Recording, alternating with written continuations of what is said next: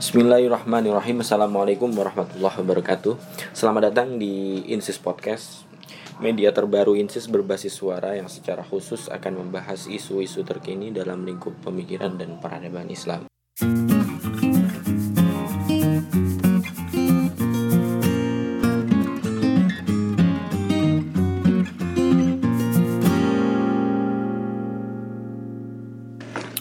Baik, Alhamdulillah untuk kesekian kalinya podcast Insis kembali hadir di tengah-tengah para pendengar. Di masa terpaan pandemi COVID-19 ini, podcast Insis akan memperdengarkan kepada para pendengar ujangan dari Ustadz kita Dr. Samsudin Arif bagaimana adab kita umat Islam dalam menghadapi pandemi yang tengah terjadi. Disarikan dari Al-Quran dan As-Sunnah, juga penjelas dari para alim ulama sebagai nasihat penting Bagaimana seharusnya seorang Muslim bersikap di masa-masa sulit hari-hari ini?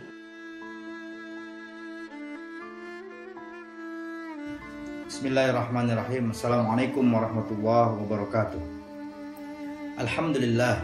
Alhamdulillahilladzi ja'ala Ramadana syahrus siyam wa ja'ala layaliyahu fursatan lil qiyam.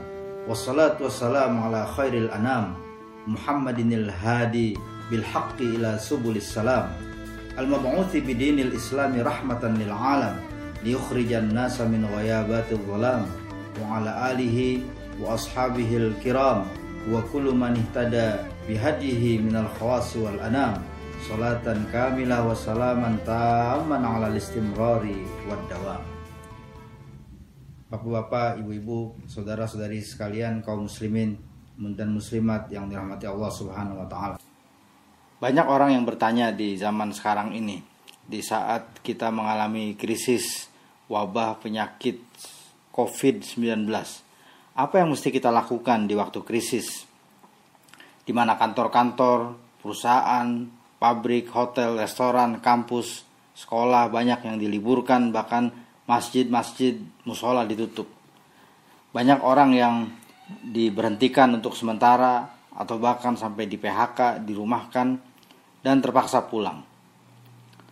Tinggal di rumah menanti lenyapnya wabah, berharap kepada Allah bukan pemerintah. Kita juga saat ini alhamdulillah sudah memasuki bulan Ramadan. Maka pentinglah kita menyimak kembali bagaimana tuntunan agama kita tentang aktivitas selama menghadapi wabah penyakit selama zaman krisis saat ini. Pertama, tetaplah kita bekerja meskipun di rumah. Kita tetap harus aktif berpikir dan berbuat, melakukan sesuatu yang bermanfaat, tetap produktif mencari rezeki yang Allah janjikan kepada semua makhluknya. Tentu di samping dan sesudah kita beribadah. Firman Allah, A'udzubillahi minasyaitonirrajim fa idza qudiyatis shalah fantashiru fil ardi wabtaghu min fadlillah apabila selesai mengerjakan sholat maka menyebarlah mencari rezeki dari Allah. Yang kedua, kita harus tetap bersyukur karena kita masih hidup, masih sehat, masih aman, masih damai, tidak ada perang, kekacauan seperti di negeri-negeri lain. Kita bersyukur karena masih tersedia berbagai bahan makanan dan keperluan sehari-hari. Kita juga bersyukur masih bisa berkumpul bersama keluarga dan handai tolan. Bagaimana caranya dan buktinya kita bersyukur? Ada tiga. Yang pertama, kita bersyukur dengan banyak memuji Allah. Bertahmid, bertasbih, bertakbir, bertahlil. Ya, subhanallah, alhamdulillah, la ilaha illallah. Intinya kita berzikir, mengingat dan menyebut Allah sebanyak-banyaknya dan sesering mungkin. Sesuai dengan firman Allah, Ya ayuhan nasu dhkuru ni'matallahi alaikum.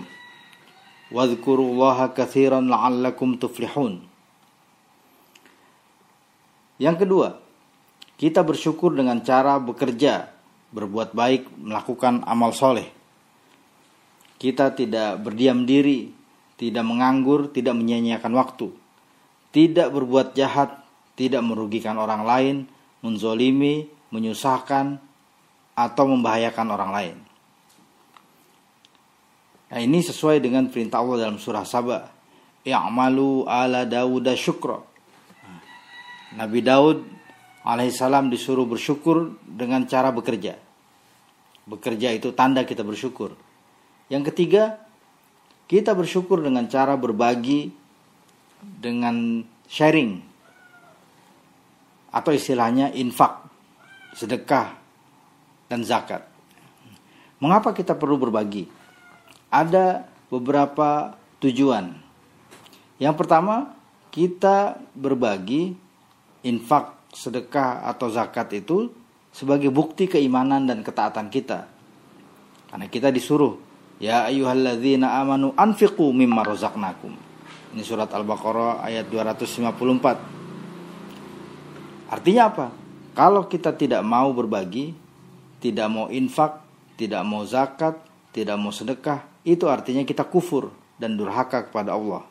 Dalam surah Yasin Allah berfirman wa idza qila lahum anfiqu mimma razaqakumullah qala alladzina kafaru lil ladzina amanu anut'imu man law yasha'u at'ama.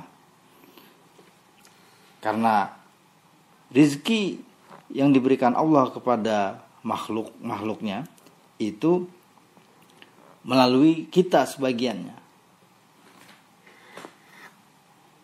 Nah, tujuan lain dari berbagi infak atau sedekah dan zakat yaitu untuk menolak bala, untuk menghindari celaka supaya kita tidak dimurkai oleh Allah. Ini sesuai dengan hadis Rasulullah Inna sadaqata tudfi'u ghadabar rabb. Sesungguhnya sedekah itu akan mematikan, memadamkan kemurkaan Allah. Tujuan lain dari sedekah, infak, zakat dan sebagainya itu adalah untuk menghapus dosa-dosa kita. Hadis Rasulullah sallallahu alaihi wasallam, "Was sadaqatu tudfi'ul khati'ah kama tudfi'ul ma'un nar." bahwa sedekah itu bisa menghapuskan dosa-dosa kesalahan manusia sebagaimana air bisa memadamkan api. Mungkin ada yang berkata, bagaimana mungkin saya sedekah? Uang untuk makan sendiri saja susah. Nah, justru dalam keadaan sulit dan sempit, inilah sedekah kita akan besar sekali nilainya. Ketika semua orang dan kebanyakan orang mungkin saat ini hanya mementingkan diri sendiri dan keluarga masing-masing, Mari kita usaha, mari kita upayakan agar bisa dan mau peduli kepada orang lain. Firman Allah Subhanahu wa taala dalam surat Al-Balad ayat 14, "Falak tahamal aqabah wa ma adraka mal aqabah, fakku raqabah au it'amun fi yaumin dzi masqabah." Para ahli tafsir menerangkan bahwa it'amun fi yaumin dzi masghobah itu artinya memberi makan pada uh, hari pada zaman kesusahan, kelaparan dan kesempitan seperti zaman sekarang ini ya. PSBB, lockdown di mana-mana. Dalam surah Al Imran ayat 134 Allah Subhanahu wa taala berfirman alladzina yunfiquna fis sarra'i wad Orang-orang yang bertakwa itu ciri-cirinya mereka Eh, berinfak pada saat sulit, pada saat lapang maupun pada saat sempit. Wa yu'thiruna ala anfusihim walau kana bihim khasasah. Ini dalam surat Al-Hasyr ayat 9. Eh, para sahabat eh, Ansor itu dipuji oleh Allah Subhanahu wa taala karena mereka mau bersusah-susah demi saudaranya. Jadi bahkan lebih mementingkan saudaranya daripada dirinya sendiri. Yang ketiga, apa yang mesti kita lakukan di saat e, krisis seperti e, wabah penyakit COVID-19 ya, sekarang ini, yaitu menghindari minta-minta atau mengemis kepada siapa pun, walaupun ya, keadaan memang e, sempit dan sulit. Mari kita berusaha menjaga diri, menjaga keluarga dan sahabat kita jangan sampai gelap mata melakukan kejahatan. Banyak orang saat ini yang merosot bahkan rontok imannya gara-gara corona. Jangan sampai susah di dunia dan celaka pula di akhirat kelak.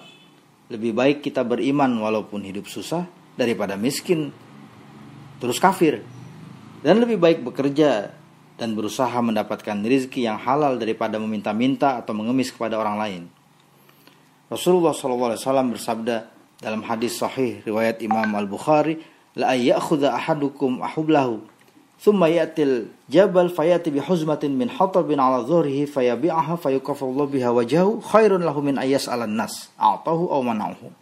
Lebih baik seseorang itu membawa tali-talinya pergi ke bukit mencari kayu bakar lalu memikulnya untuk dia jual untuk menutupi kebutuhannya daripada dia meminta-minta kepada orang lain yang belum tentu dapat